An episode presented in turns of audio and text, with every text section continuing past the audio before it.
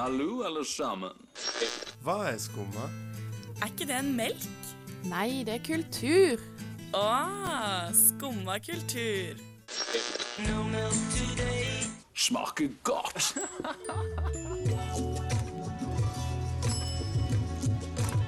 Hallo, frøken.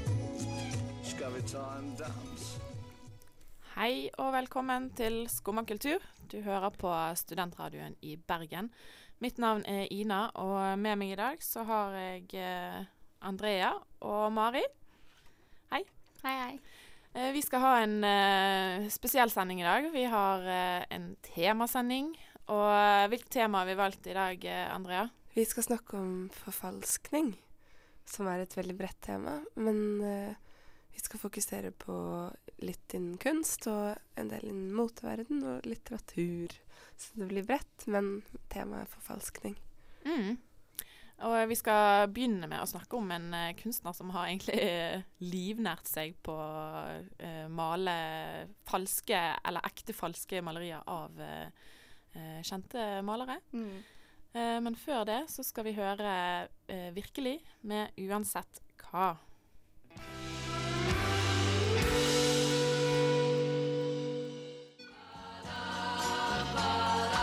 Monday, Monday, so good to me. Skumma kultur hver mandag på Studentradioen i Bergen. Det er altså mandag, og vi har temasending som dreier seg om eh, forfalskning innenfor eh, forskjellige deler av eh, ja, mote, litteratur og kunst. da. Og vi skal begynne med kunst, for der er det kanskje lettest å se forfalskninger. Eller hva, Mari? Eh, kanskje ikke. Nei? Jeg las jo en artikkel i Dag og Tid som ble utgitt 15.1 om eh, meisterfalksnaren eh, Jan, Gert Jan Jansen. Og eh, han, eh, han Han var jo en kunststudent som forsøkte å tjene penger eh, som gallerist. Eh, men eh, det gikk ikke så bra, eh, så han endte med å forfalske andre malerier til kjente kunstnere. Um, For å tjene penger da, i første omgang, eller Ja. for å lære seg tror det var i hovedsak for å tjene penger. For han endte jo opp med det galleriet han hadde, og endte jo opp med å samle istedenfor å selge. Mm. Han fant vel ut hvor lett det var å, å selge uten at noen på en måte stilte spørsmål. Og han, eh, han ble jo eh, Altså, han, han kopierte jo store, kjente kunstnere som Picasso og Dali og Chagall og eh, Carella Pell. Eller hvordan, jeg vet ikke helt hvordan man uttaler det siste, men eh, Nei, den duren. jeg tror det er riktig. Ja. Eh, og kunstnerne de kunne jo også erklære disse maleriene for ekte. Eh, så, men han ble jo til slutt oppdaga, da. For han her, Karel Appell, han er jo en av Nederlands største malere da, gjennom Mm. tidene. Ja, for det Og- syns jeg var så sprøtt, ja. Ja, og at til og med han ikke han. så det. Nei, sant. Han gikk ut og sa at han husket når han hadde eh, malt dette her. Mm, ja, ja. Mm. Men for det, det der spørsmålet Han malte både kopier, forfalskninger, og han fant på egne motiver med samme stil Ja. som malerne. Mm. Det er jo, han er jo på en måte et geni, men det er jo helt sprøtt likevel. Ja, det er ganske sprøtt. Han var nok dyktig, men uh... Men hva skjedde så med han her uh, uh, Jan Jansen? Egentlig ganske kjedelig navn. jo, han ble jo Det ble jo rettssak, og han var satt i veldig varetekt i seks måneder eller noe sånt.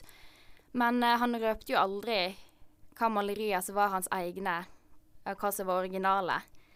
Så eh, det endte jo opp med at han slapp fri. Og det var jo eh, kunsteksperter som politiet hyrde inn da, for å, eh, for å avsløre han. De hadde jo ti år før gått god for disse maleriene. Mm. Eh, så det endte jo med at han slapp fri til slutt, og fikk tilbake hele samlingen sin. For de turte jo ikke å brenne noe, for det er jo vanlig å brenne eh, forfalskninger. Men han fikk jo rett og slett tilbake, for de visste jo egentlig ikke hva som var ekte, og hva som eh, ikke var det. Nei. Fordi det var så godt uh, håndverk, egentlig. Ja, og så var vel også greien at han hadde jo sin egen samling eh, med ekte malerier, da, Mhm. i tillegg til disse her falske. Så sånn jeg har skjønt det ut ifra det jeg har lest, at det var bare et stort virvar av Ja. eh, malerier, da, og ingen som på en måte kunne skille de ekte fra de som han hadde lagd. Mm. Og når han da valgte å holde tett om det, så skal man på en måte ta alt under en kam og brenne både ekte og ikke ekte. Og, Mm. Men han har vel fått en eller annen pris. At jeg regner med at han ikke er så veldig godt likt blant, blant kunsteksperter og kunstnere selv i dag, eller hva, vet dere noe om det? Nei, altså han hevder jo sjøl i dette intervjuet at uh, han har ikke fått noen særlig sure reaksjoner fra kunstnere. Uh, da mener han i alle fall, da. Mm. Ikke av kunstnerne som har blitt kopiert, Nei. men eh, at uh, de her eh, ekspertene og museumsdirektører at de, de ikke er så veldig fan av han. Det er det nok helt sikkert ikke. For, for dem så handler det De er jo sikkert samlere selv som er opptatt av Mm. at det skal være ekte, og de har sin egen Hva heter det? Sitt eget sånn begjær for kunsten. Sånn som Så ødelegger vel han litt av denne her troverdigheten, tenker jeg, Ja. som de har, da. Ja. Eh, vi skal eh, snakke mer om eh, hva som skiller ekte kunst fra ikke ekte kunst. Eh, og så hører vi Melody med 'Show Me Love Now'.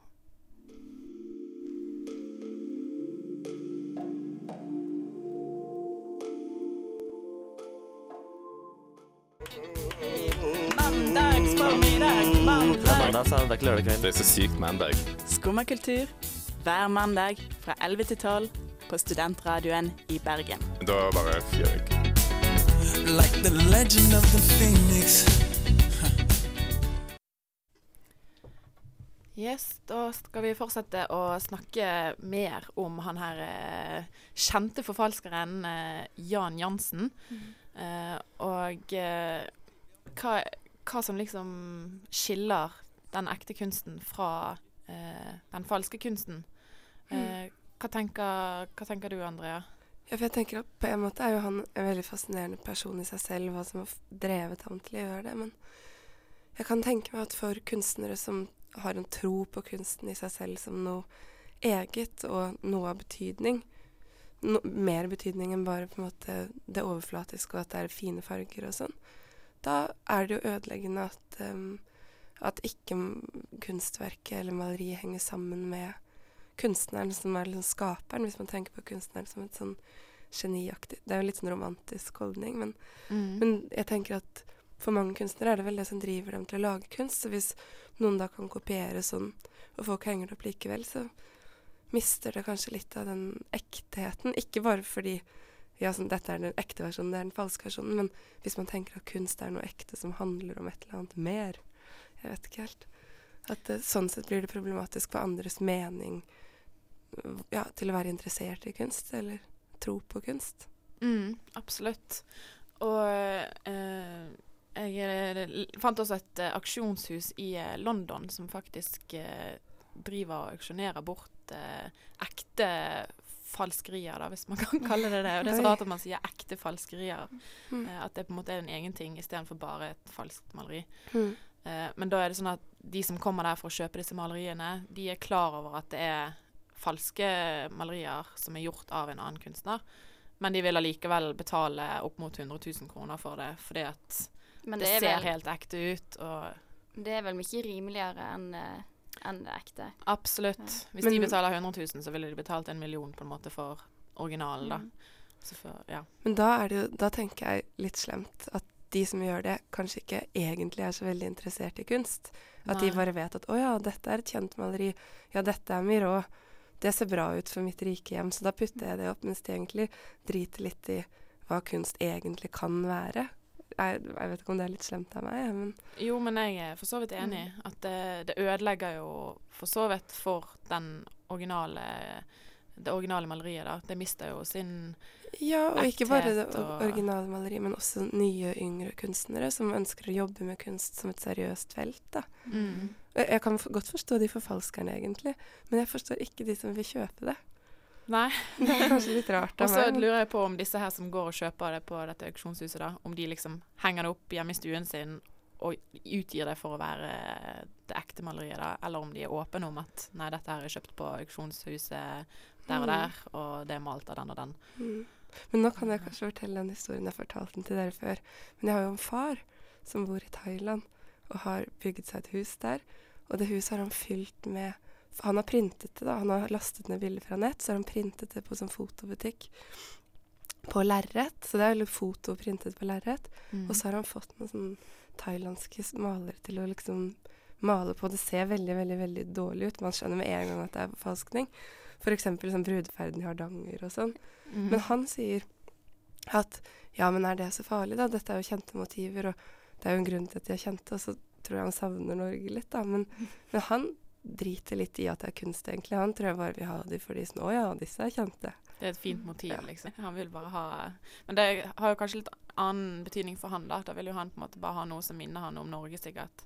Mm, men de som Også... kjøper sånn For han har jo gjort det billig, da, så det er ordentlig tydelige falske falskerier. Men de Mm. som liksom bruker da Hva var det dere sa? 100 000, liksom? ja, Det er jo helt sykt. for å få, en, eh, få et falskt maleri. Ja, det er veldig rart. Men jeg leste også eh, eh, at Heine Onsdag-senteret i Oslo, da, de eh, har jeg tror det var fire malerier, så de lurer på om er falske. Oi. Men de vet ikke, da. Eh, og så fortalte jeg Mari her eh, i, under pausen at eh, de, hvis de skulle fått noen eksperter til å faktisk kunne si om de var falske, så ville det kostet opp mot flere millioner kroner eh, å få testet det. da. For da måtte de gjort eh, pigmenttesting, og de måtte sjekket eh, eh, sånn blandingskvaliteten på liksom eh, fargene da, i maleriet. Og de måtte hentet inn minst ti eh, eksemplarer av samme eh, kunstner fra samme tid, og en sammenligne det med dette her. Så det er En, en helt egen vitenskap å jobbe med tydeligvis Og ja. Det handler mye om penger, da, sikkert. Eller sånn Det er jo sånn at det genererer penger også. Da jobber folk med det. Og så, og så blir kunstbransjen også en sånn pengebransje. Eller det er det jo fra før av, da, men Mm. Og det, det sto vel noe om i den saken som du presenterte i sted, Mari, Ja. at eh, han her eh, Jan Jansen mente at det òg hadde en verdi for eksperter å si at det var falskt. Ja. Eh, Fordi de tjente jo på at, eh, å få selge denne kunsten videre. Så hvis de, eh, Mm. hvis de hevdet at den ikke var eh, ekte, så fikk jo ikke de noe for det heller. Så hvis de var i tvil, så var det bedre å si ja, på en måte. For da fikk de jo litt penger av eh, Ja, i hvert fall sånn som Tjenesten. han eh, Jansen eh, sier, da. mm. Mm. Men han mente jo ikke at alle var sånn. Det var noen. Så ja, det er veldig spennende. vi kan Men- vel Jeg syns det er litt sånn trist for sånn genuiniteten til kunst, da, hvis man kan snakke om det. absolutt Det stiller et stort spørsmål med, med egentlig bransjen generelt. Mm. Uh, så vi kan vel kanskje konkludere med det at uh, det, det Ja, det svekker troverdigheten til uh, ekspertene, da, gjerne. Mm. Og ødelegger for kunstnere som faktisk er genuint opptatt av å ja, skape Mm. noe. Vi hører Verdensrommet med 'Gi meg alt'.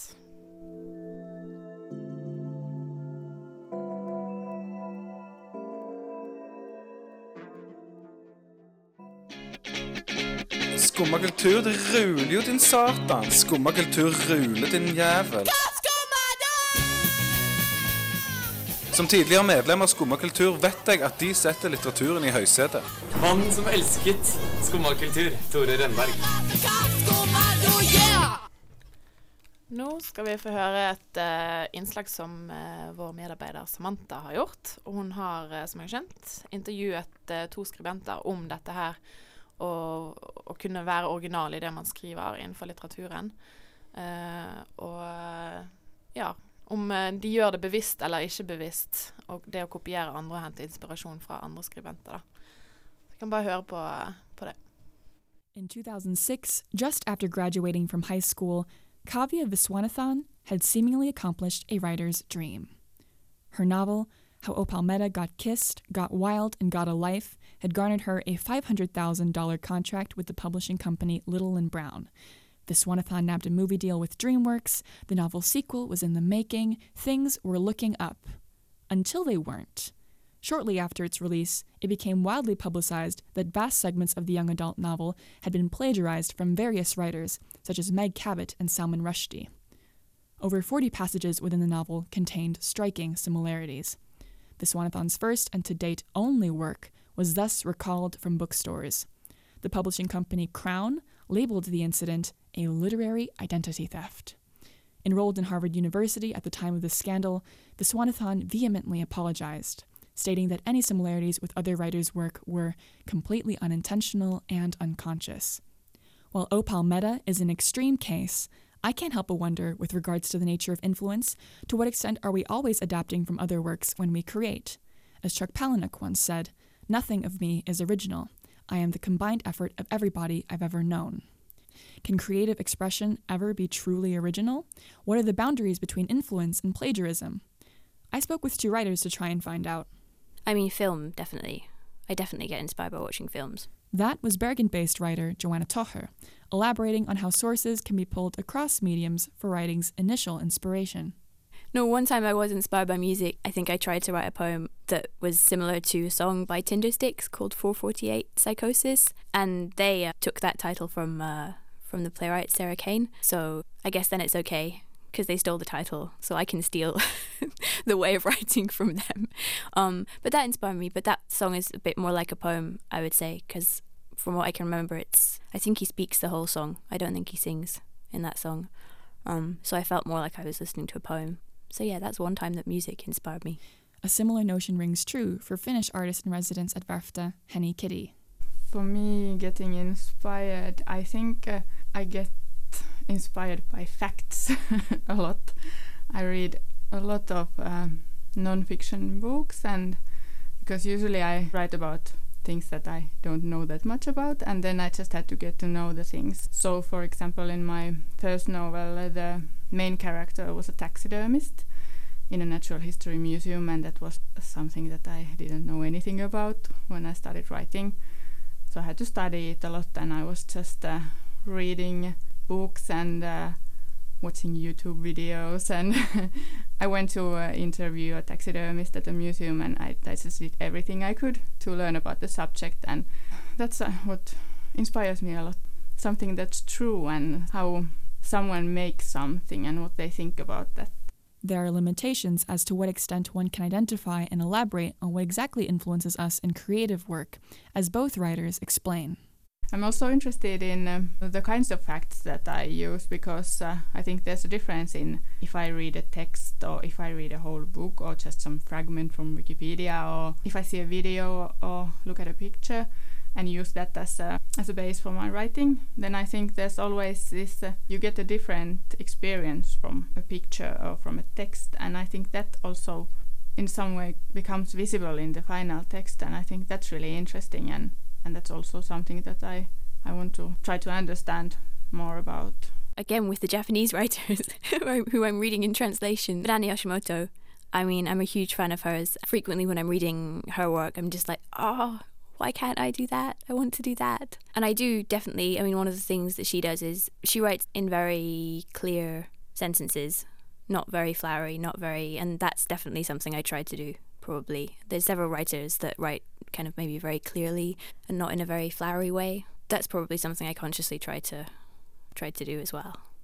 If I do think I'm emulating someone too much, I probably stop because I feel like who am I to try and write like one of my favorites? I feel like I'm not good enough to emulate them or something. So I'll stop myself if it's too familiar.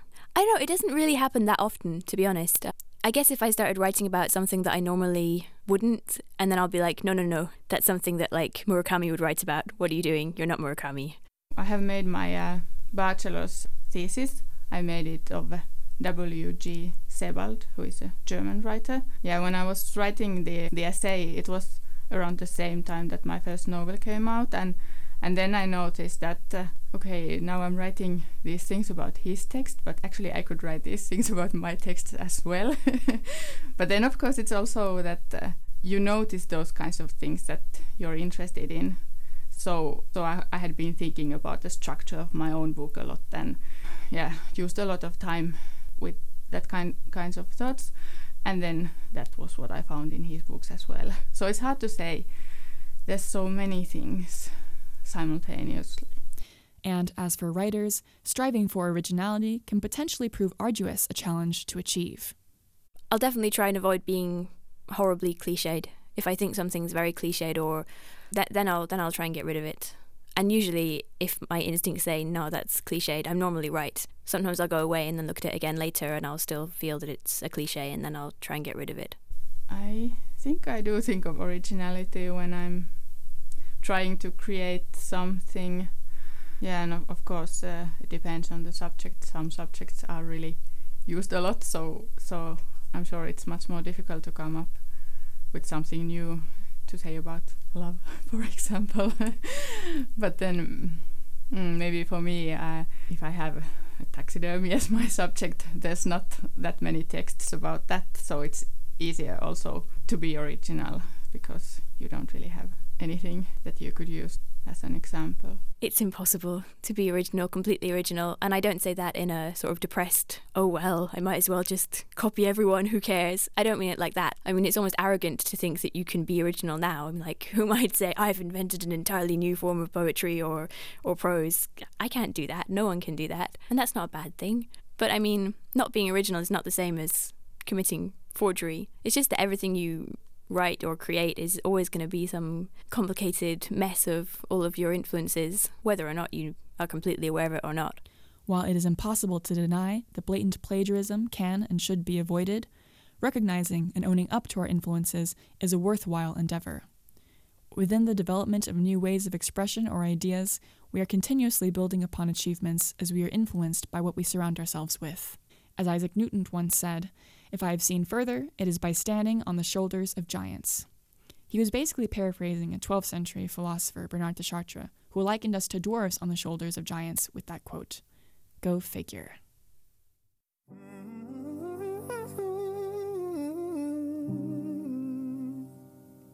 Det var James Blake med Retrogate.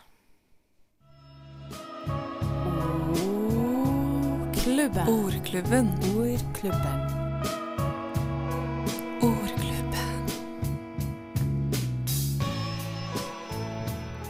Nå er det tid for uh, Ordklubben, som er blitt vår uh, nye faste spalte. Og der uh, finner vi frem til tekster som vi liker, eller som inspirerer oss, eller som vi bare har lyst til å ja, trekke frem. Og denne gangen er det din tur, Andrea. Mhm. Og jeg har lyst til å lese noen dikt av en finlandsk-svensk finlandsk forfatter som het Henry Parland.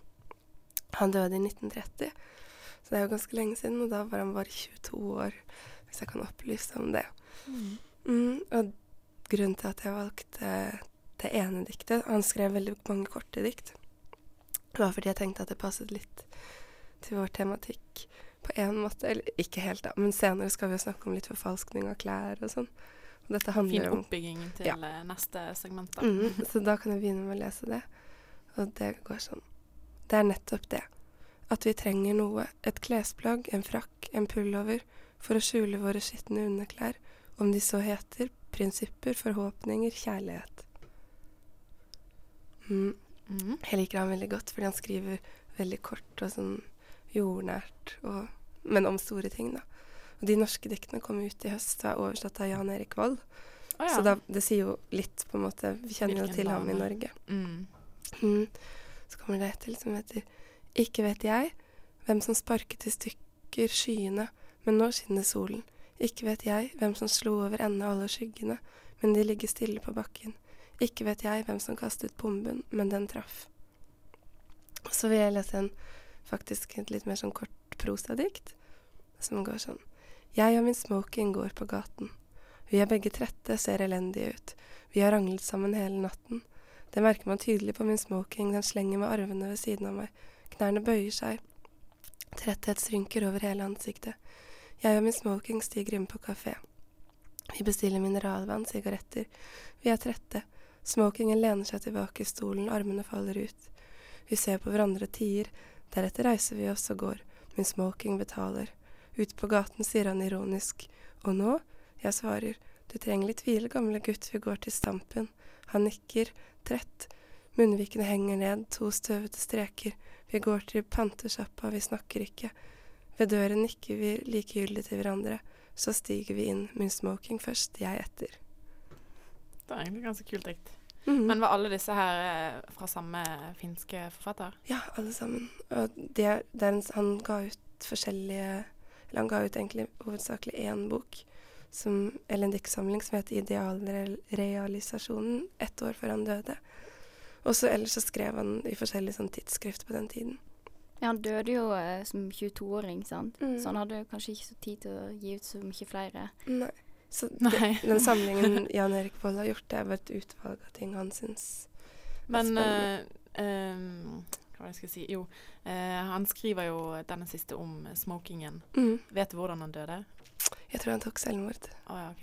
Jeg tenkte Så kanskje han- drakk seg. Oh, ja, nei. Det har liksom passet fint. eh. Men det, han har veldig spennende historie, for han var født i Russland, tror jeg, med tyske foreldre. Så han snakket russisk og tysk først, og så flyttet han til Finland, hvor han snakket finsk, men i det finlandsk-svenske området. Så derfor så skrev han på svensk. Men Mm. han egentlig på en måte, hadde fire forskjellige språk, og han var sånn superspråktalent som ja, var veldig sånn Det er utrolig moderne dikt, hvis man tenker på at Absolutt, de hvis det skrevet var fra før 19 20-tallet. Ja, ikke sant? Det Så- kunne like gjerne vært i dag. Ja, Jan Erik Vold skrev bak sånn 'Den hippe finlandssvenske poeten', og det er jo sant, for det er jo sånn super sånn urbane, moderne. Mm. Kjenner du til Jan Erik Vold, eh, Mari? Ja, eller navnet er jo ganske kjent, men jeg skal ikke si jeg er veldig eh, Kjenner til ham veldig godt. Nei. Kanskje vi eh, skjønner mer av eh, Eller eh, skjønner mer av diktene hans ved å lese Vold sine oversetninger. Mm. Ja, og mm, det tror jeg. Mm. Det tror jeg. Vi skal høre Isaiah Rashad med 'Smile'.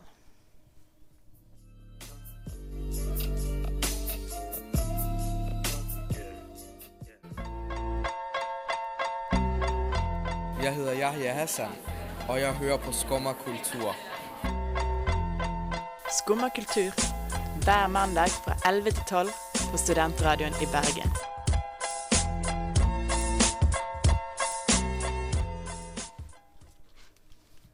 Eh, Vi eh, har fortsatt temasending som dreier seg om forfalskning eller kopiering, om du vil. Eh, og vi tenkte vi skulle se litt på en annen del av verden som dreier seg om mote. Og vi eh, er jo alle interessert i mote, mer eller mindre, vil jeg tro. Eh, og eh, ja, du Mari, som sikkert vi òg, går jo på kjedebutikkene og kjøper Mm. billige klær, da. Eh, er det noe du tenker over, egentlig, at de har kopiert stilen fra catwalken? Nei, jeg har aldri tenkt over det før. Før jeg eh, som når vi gikk inn på her temasendingen og gjorde litt research. Så det har jeg faktisk ikke visst. Jeg har visst at det, det blir kopiert, og, men ikke i så stort omfang som det er, da. Mm. Ja, men det skjønner sånn, Er det sånn at motehusene kopierer direkte klær som har vært på catwalken, eller er det sånn at de lar seg inspirere? For det er jo det som på en måte er Jeg, jeg har gått ut ifra at de lar seg inspirere, men om de kopierer direkte, er jo det litt drøyt også. Det spesielt én kjede jeg tenker på, da. Det er Sara, eh, den spanske eh, kjedebutikken. Mm. Den kopierer aktivt eh, og ser på liksom, de store motehusene. Eh, med en gang de kommer ut med høstkolleksjon eller vårkolleksjon, så er de liksom ute tre uker etter med helt make plagg som du har sett på catwalken. Men det blir vel ikke Eller det er vel ikke kopiert sånn sett. Altså, det har vel regler på det. Var ikke du som snakket om det, at eh, det måtte være tre forskjellige ting? Ja, akkurat antallet vet jeg ikke, men det fins jo selvfølgelig eh, regler for hvor mye man kan kopiere. da. Eh, si at du har en jakke, eh, så kan ikke du kopiere den sånn 100 eh, Det må være sånn små forskjeller i f.eks. For søm, fargenyanser. Eh, det kan være en ekstra glidelås. Altså sånne minimale detaljer som allikevel skiller han fra den originale, da. Mm. Eh, så de, det som jeg syns er sykt, da, det er jo at de gjør det liksom aktivt. De går inn og kopierer, og så vet de at de må putte på sånn og sånn og sånn for å ikke bli anmeldt. Mm. Men igjen så er det det sånn Hvordan får liksom da den veska eller den kjolen eller sånn Hvordan får de den verdien av at, av at det er verdt å kopiere det, i stedet for å lage noe annet? Altså sånn Det, det er veldig en spesiell kultur, da. At ett produkt eller ett utseende får sånn opphøyelse så mye at det, det skal være ekte, det skal kopieres, i stedet for at man bare lager noe annet, på en måte. Mm. Som, som er inspirert, fordi det er jo helt OK. Men si sånn Å, det er moderne med røde farger i høst eller i vår, eller hva, jeg vet ikke. Men sånn at det skal være akkurat det samme, det syns jeg er skikkelig rart. Det er jo sikkert fordi at eh, de vet at de selger. Som de kan selge ting til Altså folk er villige til å kjøpe det, da, rett og slett. Absolutt. Og hvis man er da veldig moteinteressert, så er det jo altså, mange som bruker gladelig 10 000 kroner på en uh, bukse, liksom. Mens Mm. også vanlige folk har jo ikke mulighet til å gå og kjøpe plagg i den prisklassen. Nei, men jeg tenker sånn hvis mote, mote er jo også et kreativt uttrykk, hvordan man kler seg og sånn, og hvordan man vil møte verden. Og da tenker jeg at hvis man er skikkelig moteinteressert, nå er jeg igjen litt sånn slem, da ville man kanskje heller lagd sine egne klær og funnet sin egen stil. Men at de som faktisk går og kjøper de kopiene, de er egentlig ikke så veldig moteinteressert da, hvis de bare kjøper det de får beskjed om, på en måte. Å ja, den veska der. Ja. Eller sånn. Jeg tror de er moteinteressert, men at de kanskje ikke De tenker ikke over at det er noen som faktisk har sittet og designet eh, dette plagget, eller tenkt over at eh, denne våren så skal det være eh, brunt som går igjen. Altså, de tenker ikke over den store jobben en person gjerne har, da, med å komme opp med liksom nye, kule trender eller klær. Mm. De bare ser på stilen. Mm. Jeg fant en sånn sak det er et par år siden, da, fra 2011, hvor det er det der, de skoene jeg, har aldri, jeg er ikke så god på sånne her ting, egentlig, men som heter Louboutin. Mm, som var sånn høyhælte med sånn røde hæler under. Hvor de hadde anklaget Yves Saint Laurent for plagiat. Det er jo en sånn direkte kopi, fordi Yves Saint Laurent det året, i 2011, hadde laget fire modeller som hadde rød såle under. Og da gikk saken ut på at det der Lobotin-merket de hadde fått uh, Hva heter det? En sånn Patent. patent på høyhælte sko med røde såler i 2008. Mm. Så det akkurat der- skiller motebransjen seg ut fra det som vi snakket med kunstforfalskning, at man faktisk kan få patent på en, en greie. Mm. Så da, men da anklaget Og da saksøkte i Saint-Laurent, og så sa- sto det i den tiltalen at tiltalte sin bruk av røde såler på skoene, som er nesten identisk til saksøkers red soul mark, kan sannsynligvis forårsake og forårsaker forvirring, feiltagelse og bedrag hos relevante kunder. Så det handler jo om penger, da. Sånn relevante Absolutt. kunder som vil kjøpe. Og varemerke. Mm. Eh, Det gjør det. Men så sto det videre også at denne kjeden Bianco de har også laget høyhælte sko med røde såler. Men det brydde ikke Lobota seg så mye om, fordi man kunne se at det ikke var dyre sko. Mm. Så da var det ikke så viktig. Men med en gang Yves Saint Laurent eh, gjorde det, da var det liksom superviktig å slå ned på det. For Mm. de er jo like Mm. høyt opp, om ikke mer, Ja. enn uh, Louboutin. Eh, vi kan snakke litt mer om uh, mote etterpå. Vi skal høre kriminell kunst med 'Måten du ser på meg'.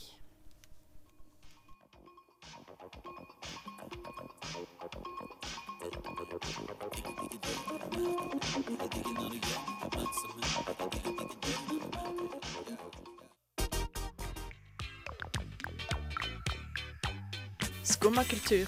På Studentradioen i Bergen. Hver mandag fra 11 til 12. Skru inn på 96,4 107,8. Vi eh, fortsetter eh, temasendingen her på Skomakultur på Studentradioen i Bergen. Eh, jeg heter Ina, og med meg i dag så har jeg Andrea og Mari. Og vi snakket så vidt i sted om kopiering innenfor moteverdenen. For det er jo, er jo kanskje der det skjer mest kopiering. Fra store designere til ja, billige kjeder. Eller f.eks. i Tyrkia, hvor du får kjørt kjøpte billige Ray-Bans på stranden. Mm. Men for jeg tenkte på det at det er, i moteverden eller motebransjen så er det kanskje mer sånn åpenbar kopiering, mens sånn, i litteraturen så Sånn som Samantha snakket om på sitt innslag, da er det mer sånn at det er greit å låne, det er greit Og at det på en måte er en dialog som mellom ulike liksom, kunstverk også. Det er greit å referere, og det er greit å stjele litt hvis man gjør det på en åpenbar måte, eller man At kan man skrive viser eller henviser, for eksempel. Mm, også sånn der mm, skrive over en bok og liksom så, Men det, er- i motebransjen er det råere og mer sånn direkte. Ja, det, det er sant. At man kanskje inspireres mer sånn i type kunst og musikk og, og litteratur, da. Mm. Mens i motebransjen, som du sier, at man, man kan så tydelig se at dette er en kopi Mm. av noe annet eh, kjent, da. Mm. Det finnes jo en uh, antipris som heter Plagiarius, som da hvert år året kårer den mest åpenbare kopien. Det kan være hva som helst. da. I år tror jeg det var noen briller som vant, som var kliss lik originalen. Mm. Det, dette er en norsk pris, da. Eh, Jeg tror ikke det er en norsk pris. Jeg tror det var en sånn produktmesse i Frankfurt, en sånn årlig messe der. Jeg tror det var den største. Jeg tror det er der den blir Ja, i Frankfurt, ja. Mm. Men som da For det var som er antikopiering, da? Eller er den sånn for å gjøre narr av kopiering, eller hva slags Ja, det er jo en antipris, da, så det er jo, det er jo rett og slett retta for å eh, bevisstgjøre folk på det store omfanget av eh, kopierte hva som helst ting og tang, klær eller mote, og, Mm. og skadevirkningene av det, da. Ja. Mm. Mm. Og i forkant av at vi skulle snakke om dette her i dag, så var det jo du, Mari, som fant fram til denne siden, da. Mm. Som heter velgekte.no. Yeah. Og jeg har vært inne og sett på den siden sjøl, og den er egentlig ganske Ganske interessant å se på hvis man uh, har lyst til å på en måte bli litt mer oppmerksom på sånne ting. da. Uh, den forklarer hva som er kopiering, hva som er uh, ja, bare inspirasjon, og hva du kan gjøre hvis du eventuelt Mm. har ikke jeg, vært uheldig å kjøpe Mm. noe som er piratkopi. da. Men jeg tenkte på det som du sa også, Mari, det der med skadevirkningen. Fordi hva er egentlig skadevirkningene av å drive med forfalskning av mote, da? Mm. Er det, hva er det som på en måte de motehusene taper på det? Det er vel Altså, det er jo litt kan du si respektløst til de som har designa og brukt tid og masse penger på å skape et nytt produkt. Ja, det er vel én side med det. Og så tenker jeg også uh, at de kanskje er mest redd for varemerket Mm. I seg sjøl. For de taper jo ikke penger på at noen skulle lage en kopi og, Men de kan tape image, eller Ja. Akkurat det, sant. De, At folk som de mener har dårlig stil, f.eks. Mm. plutselig går De der Louis Vuitton-bagene og sånn. Mm. Det er jo sånn som mange tenker på som ganske harry nå. Absolutt. Mm. Eh, Ellers er det det med penger. Men jeg blir litt sånn irritert sånn. Det er bare fordi de er sure for å miste penger også. For det er så mye penger involvert. Ja, det, alt dreier seg vel om penger til syvende og sist. Mm. Uh, men uh, ja, apropos de eh, Louis Vuitton-veskene, så ble jo de solgt uh, i Asia noe helt vanvittig mye. Altså Mm. sånn nyrike asiater. De kjøpte jo Louis Vuitton for alt det var verdt. Eh, så jeg hørte at man eh, sluttet å selge Louis Vuitton i Asia en stund for å liksom få ned Å ja, eh, fordi for mange hadde det. De mente at for mange hadde det, Ja. så det ødelagte liksom varemerket deres. da. Ja, for det, det handler jo om hvor høy pris de kan ta også, hvor vanlig det er. Mm. Og hvor ettertraktet det er. Mm. Absolutt. Uh, vi tror Eller jeg tror vi må ende diskusjonen der. Uh, vi kan vel eh, oppsummere egentlig hele sendingen med at uh, det skjer eh, både kopier og forfalskning innenfor egentlig alle deler av uh, ulike bransjer. Og at man kan Uttrykksbransjer, ja. Uttrykksbransjer. Mm. Det er egentlig et veldig godt ord. Mm. Mm. Og at man kanskje burde være litt mer bevisst på, uh, på hva som ligger bak uh, dette her, da. Ja. Bevisstgjøring, rett og slett. Mm. Vi høres neste mandag igjen til samme tid, klokken 11. Da blir det bare meg og Samantha, for dere to skal på ferie. Heldiggriser. Uh, vi takker produsenten vår, Kasper Valestrand. Og ha en eh, fin mandag, folkens. Nå får du 'Dreams' av Fleetwood Mac.